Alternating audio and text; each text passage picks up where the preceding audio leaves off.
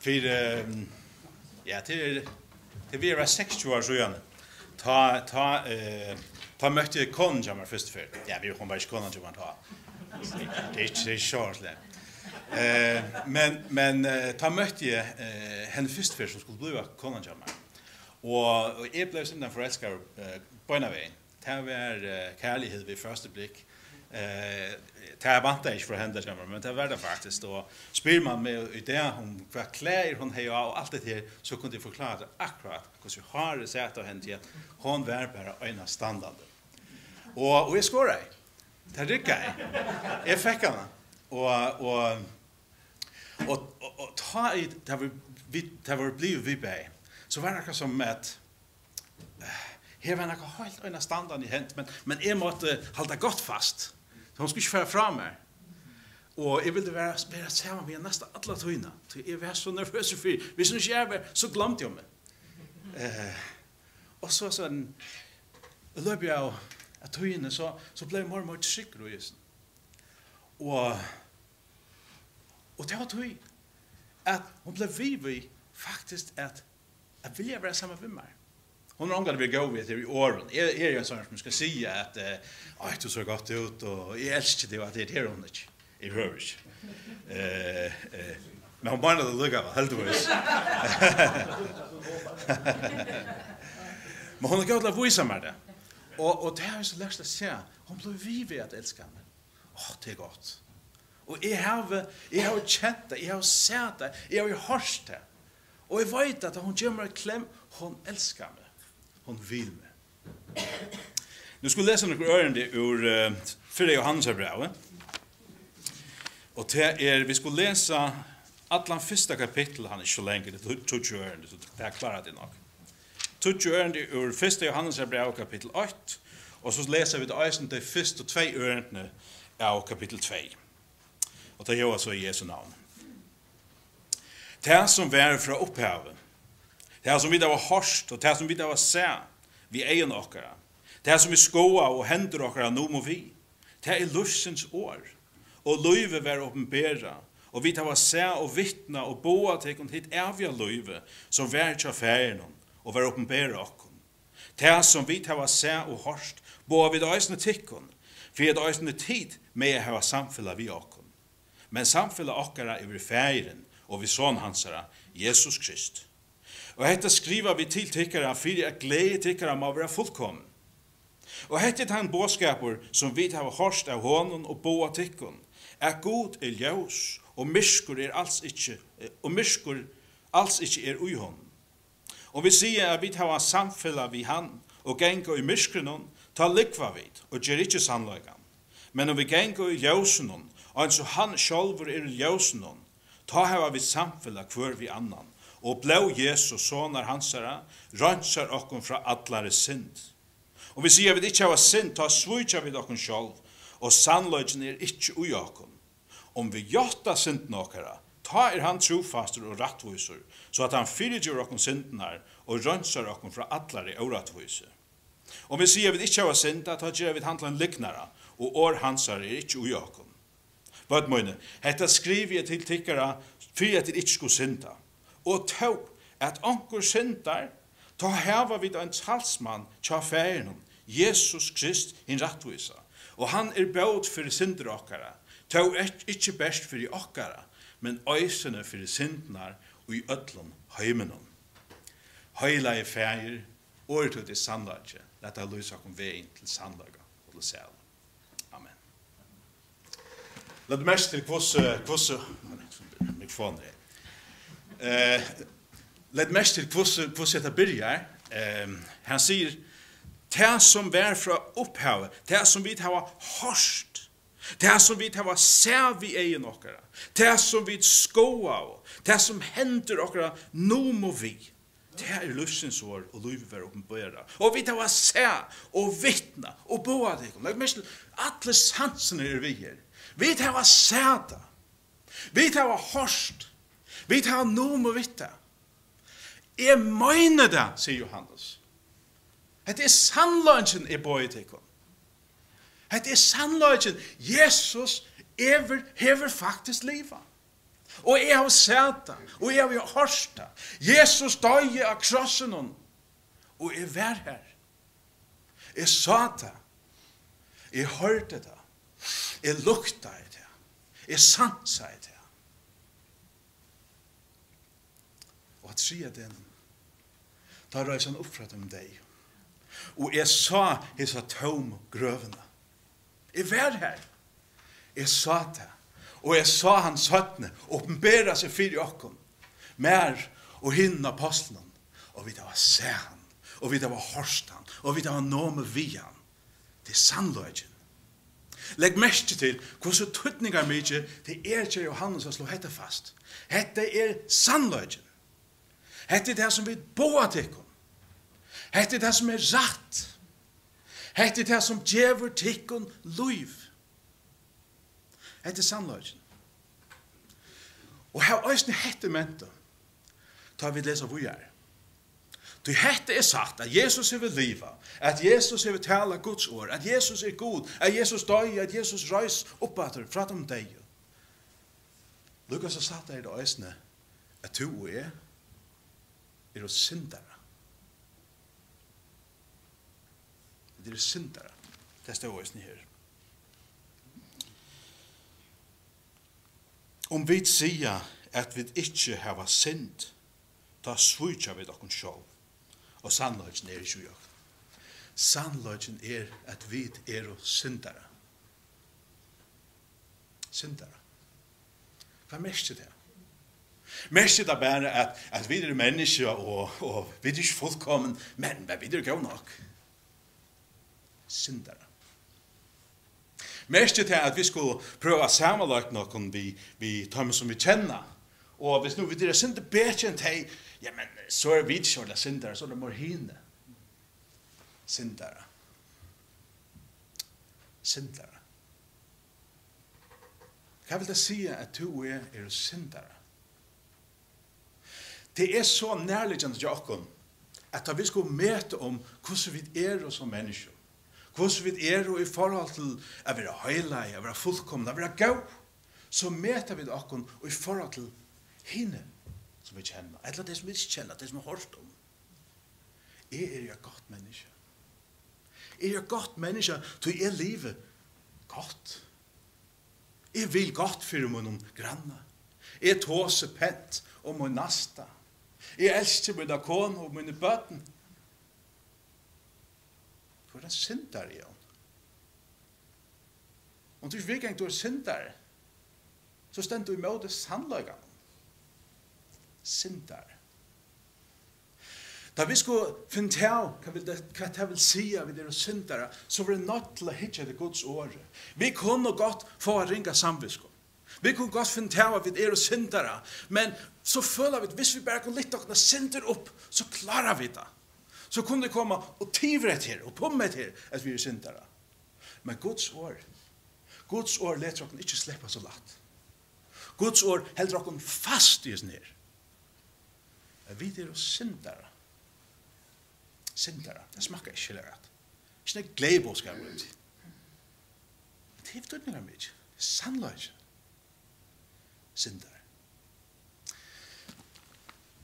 Vi tar høyra fløy for om hva det vil sija, synd er kommet i heimen, vi kan bare tenke i rømerabraunen, det er fyrst og eh, fyrst og vi hører her i uh, at nøkra den fyrst og ørenden vi hører i, i kapittel 8, Pauls brev til, til rømeraner, her han, uh, her han tåser om hvordan menneskene er i forhold til god. Og her sier han så i sier til dømes, uh, Tess vegna gav god tar upp og hjertans gjerne tar at til euransko, så at tar, så at tar syna mittan skjemt og ligamsut, tar som skift og sannlega god som vi likn, og æra, ardo og durska og skapningen og skaparen sted, han som er halover om atlar æver, amen. Tui gav god tar upp og skamløse gjerne tui at bæg konofolk tar a skift og i naturlig omgang vi hin og i møte naturene, og av samme hatlet og eisne mannfølsene av vi naturlig omgang, om, omgang vi konefolk og brunn og i frusjene så innom hver øren, så at mannfolk gjør det kjemt at gjør vi mannfølse og fink og at det fyrer og aser, aser sjolver til virle for vittlesøyna som bort er. Altså, et her er synden som er inn i øymen til avvirskar moralen og i samfunnet. Men jeg var jo da vi har et her som sagt, ja, her er ikke godt. Nei, det her er ikke godt, det var bedre før. Det var bedre før da man hei styres nere. Men, men, men så har det vi at det, at det stadig noe som er, som er utanfyr. Sinden. Sinden kom inn i høymen. Adam og Eva og alt det her. Men her, ah. Men Bibelen sier mer. Bibelen sier nek mer enn bare sinden kom inn i høymen. Bibelen tåser om det Fokusa bara kvart kvart Jesus sier i i fjallatalen Matteus evangeliet kapitel 5.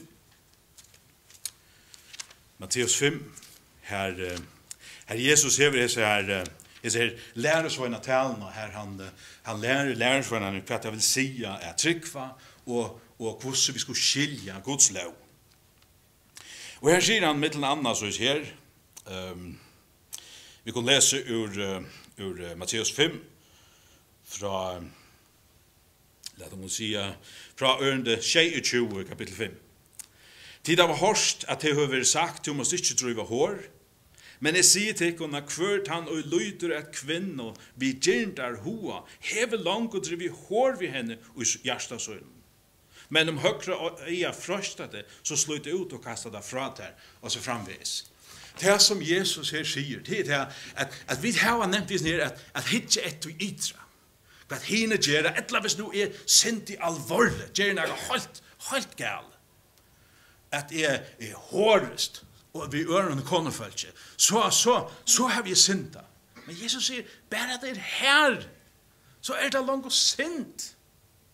Bare at det er her, så har vi langt og ventar borster fra gode. Og har oppebåret, er vi av glætan. Så alvarsamt var det. Så alvarsamt. Vi så må praktikå sier Jesus i uh, samme kapitlet, uh, kapitel 5 i Matteus evangeliet, uh, ørende 48.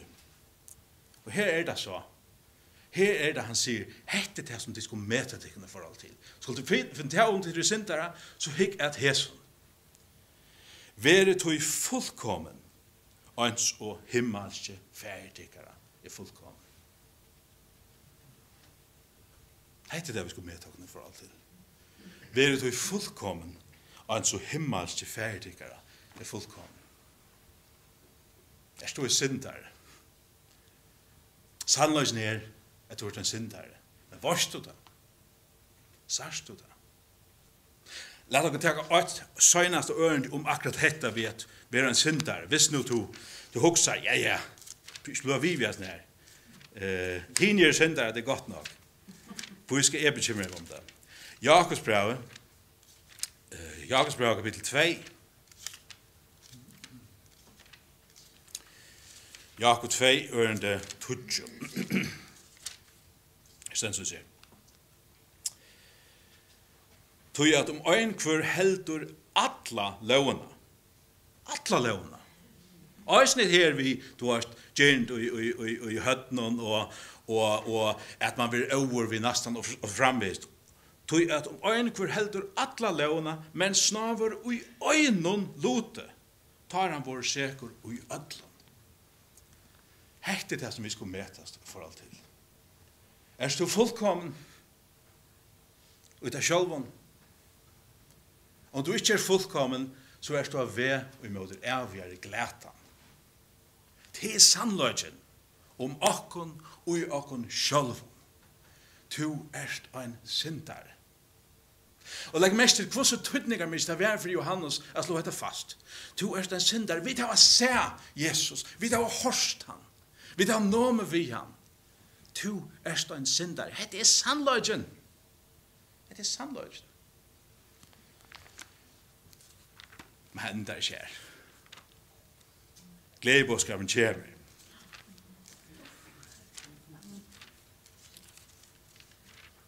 Her gjør jeg søs. Nei, det skulle være den rette apostlene. og vi sier vi ikke har sent, da ikke vi dere selv, og sannløsene ikke, er ikke ui åkken. Om vi gjøtta sint nokere, ta er han trofaster og rattviser, så at han fyrtjer dere sintenar, og rønser dere fra atlare og rattviser. Om vi gjøtta sint nokere, Og vi vilja vikenga det. Og vi vilja erkjenna, jotta, at jo, det er så løys.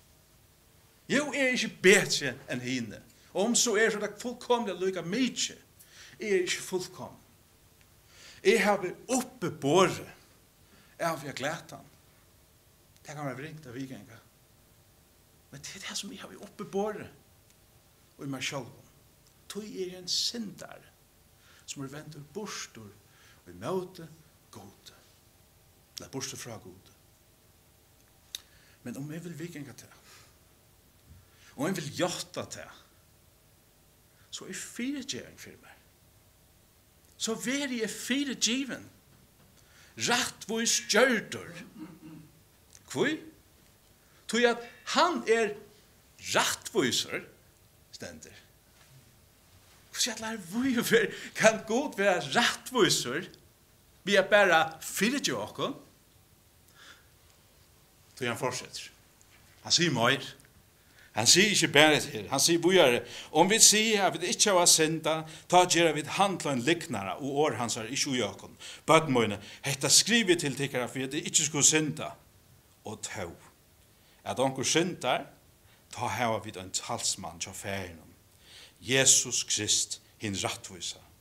Og han er bød fyrir synder okkara, tog ikkje best fyrir okkara, men øysene fyrir syndenar og i öllum høymenon. Wow! Vi hava ein talsmann til færenon, Jesus Krist, hin rattvisa. Det er nokre ørende ur det gamla testamentet som, som er utrolig glad for det som jeg alltid husker om da jeg leser akkurat dette fra 1. Johannes brev. Og det er fra Zakaria, eller Zakarias, profeten Zakarias, um, kapittel 3. Zakarias, han var nesten profeten som fikk imiska sjøvner fra god til her. Han sa inn i ta andalige høymen, sa han akkurat bra kom. Han sa øyne fram i møte Jesus som vil komme. Og så hever han hesa sjøvna i, i kapittel 3 som er så enastandande. Eh, Zacharias, han, han sier om god, så let han med suttja, så, så let god med suttja hövuspresten Josva. Josva, det er ikke den Josva som nekvagen kjenner fra, som, som, som uttog at Moses, det er ikke den Josva, men det er en annan Josva. Og en Josva som er høvesprester i Israel, og hese tøyne, da Zacharias var profeter. Han var høvespresteren i Jerusalem. Han var bossen, i tempelen. Han var den hakste av presten. Tøy, da vi høyra at hesen prestren er det som, som Zacharias er syn, uh, sjøen handlar om, så er det tøy at høspresteren representerer jødene. Representerer alt Israels folk. Dag lesa. Så er han lært god med suttja høspresten Josfa, her han stod framme for i øynkle herrans, og Satan honom vi högre li, til tess at akara han. Og angel herrans malte vi satan, herren her vi at tær satan. Herren og i utvalde Jerusalem her vi at tær. Er ikkje hesen ans og brand og riptur ut ur elde. Men Joshua var i skitten og klæven, her han stod framme for jo enkelten. Ta tog angelen til Mals, og malte vi tar som stod framme for honom. i han ur hese skitten og klæven Og han sier vi han, «Sui, jeg har tidsi mister henne out her. Læt til nu kleast og i hat klei.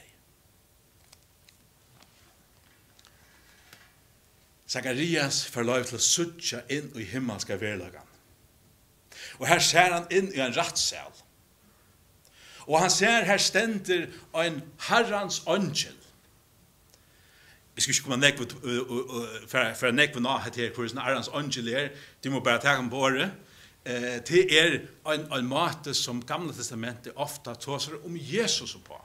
Ta i gamla testamentet tosar om Herrans angel så är det så är det nästan allt och Jesus som vi tosar om. Alltså Jesus som visar sig Aren Aren han blir född men alltså här söker vi alltså Herrans angel Jesus sande her i rättshalen og Satan. Og så er det at Satan stender her og akkurat Josva. Han er en syndare. Akkurat som du skriver her, Johannes, han er en syndare, det er sannløgjen. Josva er en syndare, hikk bare etter sin andalig klæven han er ui. Han er skiten. Han er en syndare. God, du kan ikke ta han inn i himmelen. Du kan ikke ta han inn i himmelen. himmelen. Du, du er rettviser. Er du ikke rettvis og god? Jeg så oss nere. Og i første Johannes brev er god er Jesus rettvis.